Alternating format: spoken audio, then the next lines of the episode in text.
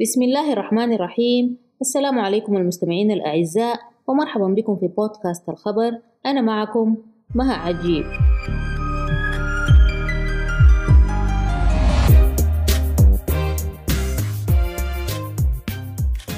نتناول اليوم الهدنة التي تم الاتفاق عليها بين حماس وإسرائيل. الهدنة تمت بوساطة قطرية سيتم فيها إيقاف الغصب وتبادل الأسرى. هناك نساء وأطفال في السجون الإسرائيلية. حماس تضعهم كأولوية وترغب أن يتم الإفراج عنهم. نعم أعزائي المستمعين هناك أطفال تخيلوا معي أن هنالك أطفال في السجون الإسرائيلية. أين هي حقوق الطفل؟ وأين المنظمات؟ وأين حقوق الإنسان؟ سبحان الله. حماس ترغب في أن يتم الإفراج عن الأطفال والنساء. أما إسرائيل فمن جانبها آه، تود استرجاع الأسرى الذين تم أسرهم في السابع من أكتوبر أي منذ بداية الحرب. فهي لديها ضباط ذوي مناصب عليا لدى حماس كما أن بنيامين نتنياهو يواجه ضغطا كبيرا من أهالي الأسرى الذين يتهمونه بأنه هو السبب فيما يحدث الآن وإنه تأخر في التوصل إلى هذا الاتفاق. وشاهدنا المسيرات الكبيرة التي نظمها أهالي الأسرى وامتدت إلى أيام ووصلت إلى منزل بنيامين نتنياهو. فدعونا نرى أبرز ما جاء في بنود هذه الهدنة. في التلفزيون التركي TRT أعلنت حركة حماس فجر الأربعاء توصلها إلى اتفاق وقف إطلاق نار مؤقت مع إسرائيل لمدة أربعة أيام. جاء ذلك في بيان صادر عن الحركة الفلسطينية بعد نحو ساعة من إعلان الحكومة الإسرائيلية الموافقة على صفقة تبادل أسرى على مدار أربعة أيام. وقالت الحركة في بيان لها بعد مفاوضات صعبة ومعقدة لأيام طويلة. نعلن بعون الله تعالى وتوفيقه عن توصلنا إلى اتفاق هدنة إنسانية وقف إطلاق نار مؤقت لمدة أربعة أيام بجهود قطرية ومصرية حثيثة ومقدرة وكشفت الحركة في بيانها عن أبرز بنود الاتفاق وهي كالآتي وقف إطلاق النار من الطرفين. ووقف كل الأعمال العسكرية لجيش الاحتلال في جميع مناطق قطاع غزة. ووقف حركة آلياته العسكرية المتوكلة في قطاع غزة. يعني كل الغصب الآن يقيف لمدة أربعة أيام. إدخال مئات الشاحنات الخاصة بالمساعدات الإنسانية والإغاثية والطبية والوقود إلى كل مناطق قطاع غزة بلا استثناء شمالا وجنوبا. أعتقد شمالا كانت هناك آه، إغاثات محدودة لكن الآن مع هذه الهدنة آه، المساعدات ستدخل. كما ذكر هذا البيان شمالا وجنوبا. يعني كل الشاحنات المتكدسة في معبر رفح ستدخل آه، بعد هذه الهدنة. إطلاق سراح خمسين من محتجزي الاحتلال في غزة من النساء والأطفال دون سن تسعة عشر عام. مقابل الإفراج عن مية وخمسين من النساء والأطفال من سجون الاحتلال دون سن تسعة عشر عاما حسب الأقدمية. وقف حركة الطيران في جنوب قطاع غزة على مدار الأربعة أيام. وقف حركة الطيران في شمال قطاع غزة لمدة ست ساعات يوميا من الساعة عشرة صباحا حتى الساعة أربعة مساء. خلال فترة الهدنة يلتزم الاحتلال بعدم التعرض لأحد أو احتقال أحد في كل مناطق قطاع غزة. ضمان حرية حركة الناس من الشمال إلى الجنوب على طول شارع صلاح الدين. شارع صلاح الدين أعتقد هو الشارع الرئيسي في آه، في مدينة غزة. وأكدت الحركة في بيانها أن بنود هذا الاتفاق الصيغة وفق رؤية المقاومة ومحدداتها التي تهدف إلى خدمة شعبنا وتعزيز صموده في مواجهة العدوان. وأدارت تلك المفاوضات من موقع الثبات والقوة في الميدان رغم محاولات الاحتلال تطويل أمد المفاوضات والمماطلة فيها. نعم بنيامين نتنياهو كان يماطل في أيامته السابقة رغم الضغوط التي مارسها عليه أهالي الأسرة إلا أنه كان يماطل في التوصل إلى هذه الهدنة والموافقة عليها. وختمت البيان بالقول إننا في الوقت الذي نعلن فيه التوصل لاتفاق الهدنة فإننا نؤكد أن أيدينا ستبغى على الزناد وكتائبنا المظفرة ستبقى بالمرصاد للدفاع عن, شعب عن شعبنا ودحر الاحتلال والعدوان. هذا هو البيان آه، الصادر من حركة حماس. وأنا تناولته من التلفزيون التركي TRT. The Times of Israel من جانبها آه قالت ستطلق إسرائيل سراح 150 أسيرا فلسطينيا من القاصرين والإناث مقابل إطلاق سراح المختطفين. وتقول إنه يمكن تمديد الوقف بعد, مر... بعد... بعد مرور أربع أيام ليوم واحد مقابل كل عشر رهائن إسرائيليين إضافيين يتم إطلاق سراحهم. في تصويت حاسم في وقت مبكر من صباح الأربعاء وافقت الحكومة الإسرائيلية بكامل هيئتها على اتفاق لإطلاق سراح حوالي خمسين رهينة محتجزة في غزة منذ هجوم حماس في السابع من أكتوبر. ما زلت في صحيفة The Times of إسرائيل وعلى الرغم من إبداء معارضته في وقت سابق للاتفاق صوت حزب الصهيونية الدينية اليمين المتطرف لصالح الاتفاق. ولم يصوت ضده سوى أعضاء فصيل عتسما يهوديت القومي المتطرف الذي يتزعمه وزير الأمن القومي إتمار بن غفير. بن غفير بأي حال من الأحوال لن يوافق على هذه الهدنة. وأنا شفت له تغريدة اليوم عن عدم موافقته للهدنة وعلى كل البنود التي جاءت فيها. وقال مسؤول حكومي إسرائيلي للصحفيين يوم الثلاثاء أنه من المتوقع أن يشهد الاتفاق إطلاق, سراح خمسين إسرائيليا على قيد الحياة من النساء والأطفال. في مجموعات من 12 إلى 13 شخصا يوميا على مدار أربعة أيام. وفي المقابل وافقت إسرائيل على وقف إطلاق النار لمدة أربعة أيام على الأقل للمرة الأولى منذ اندلاع الحرب بالإضافة إلى إطلاق سراح 150 أسيرا أمنيا فلسطينيا من الغاصرين والإناث. ومن الممكن تمديد وقف القتال ليوم إضافي واحد مقابل كل مجموعة إضافية تتألف من عشرة رهائن يتم تحريرهم. وبعد ذلك من المقرر أن تستأنف إسرائيل الحملة الرامية إلى تدمير حماس في غزة. يعني أربع أيام سيتم إضافة يوم خامس إذا كان هنالك مجموعة أخرى سيتم إطلاقها. هذا ما جاء في موقع The Times of إسرائيل وهو موقع إسرائيلي. أمريكا من جانبها رحبت بالهدنة والاتفاق بين حماس وإسرائيل وأصدرت وزارة الخارجية الأمريكية عدة بيانات. بيان للرئيس بايدن وبيان لنائبته هاريس وبيان آخر لوزير الخارجية الأمريكي بلينكين.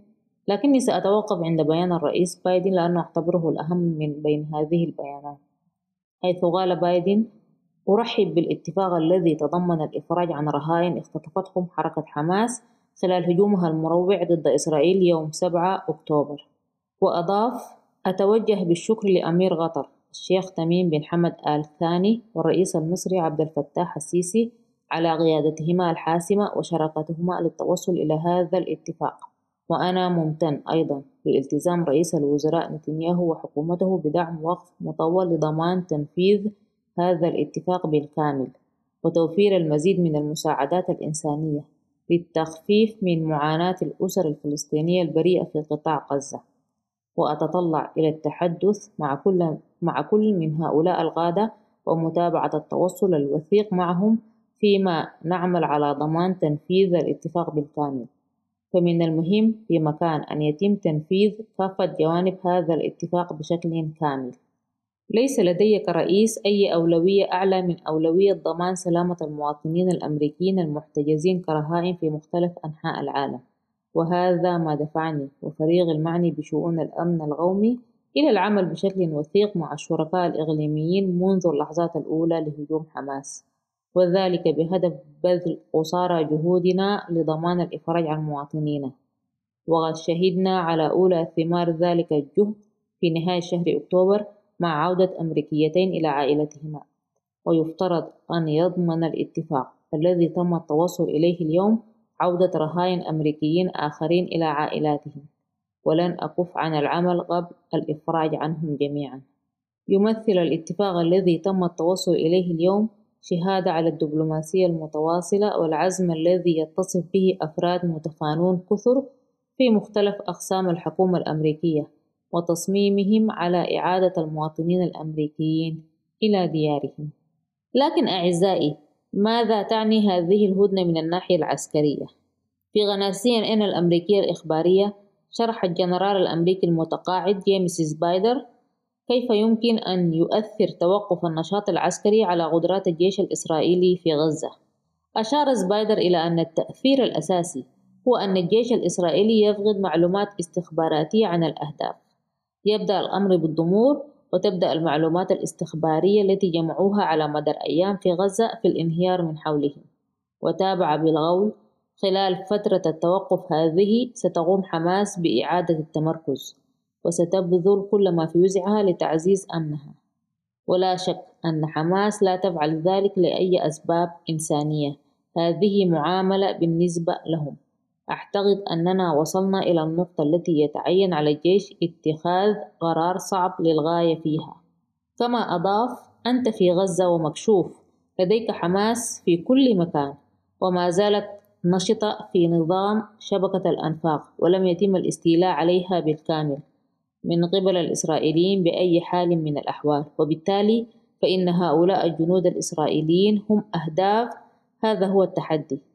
وأكد سبايدر أنه يمكن أن تتحول أربع أيام إلى خمسة أو ستة أيام إذا استمروا في إعادة الرهائن إلى إسرائيل.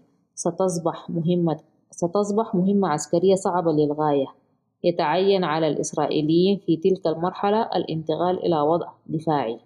كما أوضح أن التوقف المؤقت ليس مصطلحا عسكريا مضيفا إما أن تهاجم أو أن تدافع.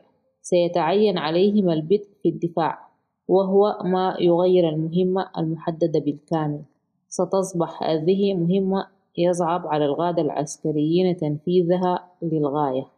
أي كما قلنا أن هذه الهدنة هي في صالح حماس لأن من خلال هذه الهدنة تم تنفيذ كل الشروط التي طرحتها حماس. فكما قال هذا الجنرال أن الهدنة ستكون في صالح حماس لأن حماس ستعيد نشاطها بطريقة أخرى. يمكن أن تغير أماكن آه، جنودها يمكن أن تغير آه، أماكن آه، تمركزها. فكل هذا وارد. وإذا وضعنا في الاعتبار أن غزة كما قال هو مكان مكشوف وغير إنه مكان مكشوف مكان معروف جدا لحماس ولكنه غير معروف للإسرائيليين. فكما يقولون آه، آه، إسرائيل ستدخل في آه، نقطة بالنسبة إليها نقطة عمياء. يعني أن حماس أو مقاتلين حماس يعرفون كل شبر في أرض غزة ويعرفون كل موقع في غزة يعرفونه ويفهمونه تماما ويعرفون كيف يتعاملون معه. وهذا عكس الجانب الإسرائيلي. لذلك نرى أن إسرائيل تقصف بالطائرات ولكن في الهجوم البري بنيامين نتنياهو فشل فشلا ذريعا في الهجوم البري. فشل فشلا ذريعا وإلى الآن لم يجد الأنفاق ولم يجد آه، أماكن آه، القيادة في حماس ولم يجد آه، أماكن الأسرى وظل على مدى هذه الأيام كلها بس يقصف بالطائرات يقصف بالطائرات مع فشل ذريع في الهجوم البري. نسأل الله أن يحفظ أهلنا في فلسطين. نسأل الله أن يرحم الشهداء. ونسأل الله أن يشفي المرضى والجرحى ويحفظ أهلنا في فلسطين ويحفظ أرض فلسطين. والآن وأنا أسجل هذه الحلقة. هذا خبر عاجل حسب نيويورك تايمز الأمريكية أنه تم تأجيل الهدنة من اليوم الخميس إلى يوم الجمعة أي أن وقف إطلاق النار والإفراج عن الرهائن المحتجزين لن يتم اليوم الخميس بل سيتم يوم الجمعة أي أن الحرب اليوم مستمرة يوم الخميس ولكن الهدنة ستبدأ يوم الجمعة على أقرب تقدير حسب ما جاء في نيويورك تايمز الأمريكية وأن هذا التوقيت الجديد أي آه، آه، يوم الجمعة جاء في بيان أصدره مجلس الأمن القومي عبر مكتب بنيامين آه، بنيامين نتنياهو رئيس الوزراء الإسرائيلي وذكر في في في البيان أنه يستبعد احتمال إطلاق سراح الرهائن يوم الخميس كما كان يأمل العديد من عائلاتهم دمتم بخير. السلام عليكم ورحمة الله تعالى وبركاته.